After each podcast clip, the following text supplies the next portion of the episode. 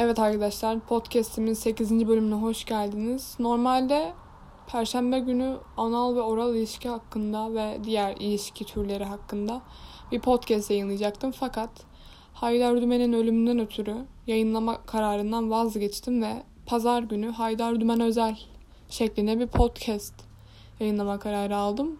Bu bölümde Haydar Dümen'i size tanıtacağım. Kendisinde sevdiğim özellikleri ve onu anlayacağım bir nevi. Hemen başlayalım çok uzatmak istemiyorum.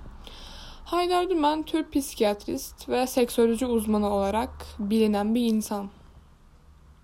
1948 yılında Afyon Lisesi'nden mezun oluyor ve Şubat 1955'te de İstanbul Üniversitesi Tıp Fakültesinden mezun oluyor. 1958'de de nöropsikiyatri uzmanı oluyor ve 25 yıl kamuda çalışıp emekli oluyor. Türkiye'de Güzin abladan sonra en tanınmış dert dinleyen gazete köşe yazarı. Genelde ona sorulan sorular bana sorduğunuz sorular gibi. Benim verdiğim cevaplar da onun verdiği cevaplara çok benziyor. Yani genelde mizaha vurarak bu tarz şeyleri cevaplamayı seviyoruz sanırım. Ee, aslında 2010'da Cihangir'de bürosunda e, Hüseyin Aslan adlı bir saldırgan tarafından silahla basılmıştı ama tutukluluk yapan silah ve e, korumaları sayesinde kurtuldu.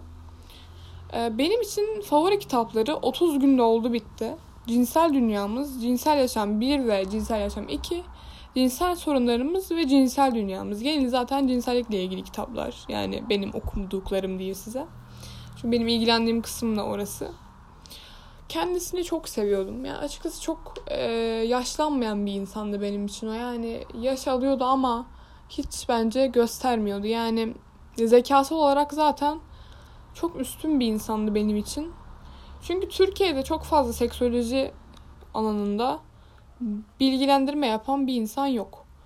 Şahsen kendisinin yazılarını okumayı ve kendisi hakkında yazılanları okumayı seviyorum. Ekşi Sözlük'te onun hakkında yazılan şeyleri okumayı seviyorum. İşte önüme çıkan şeyleri okumayı seviyorum. Yani onun hakkında çok yani bugüne kadar kötü hiçbir şey denk gelmedim. İnsanlar anlayamayabiliyor bazen. Bu o adamın kötü aldı, kötü olduğu anlamına gelmiyor. Ee, yani üzgünüm biraz. Zaten çok neşeli de konuşamıyorum. Espri de yapamıyorum şu an. Çünkü gerçekten seviyordum ve ne bileyim en azından onu bir kere görmek isterdim ölmeden önce ama göremedim. Her neyse ya böyleymiş demek ki şansım. Ee, teşekkür ederim. Podcast bayağı kısa olacaktı. Size tanıtmak istedim sadece ve an olarak hesabımda kalmasını istedim. Teşekkür ederim. Hoşçakalın.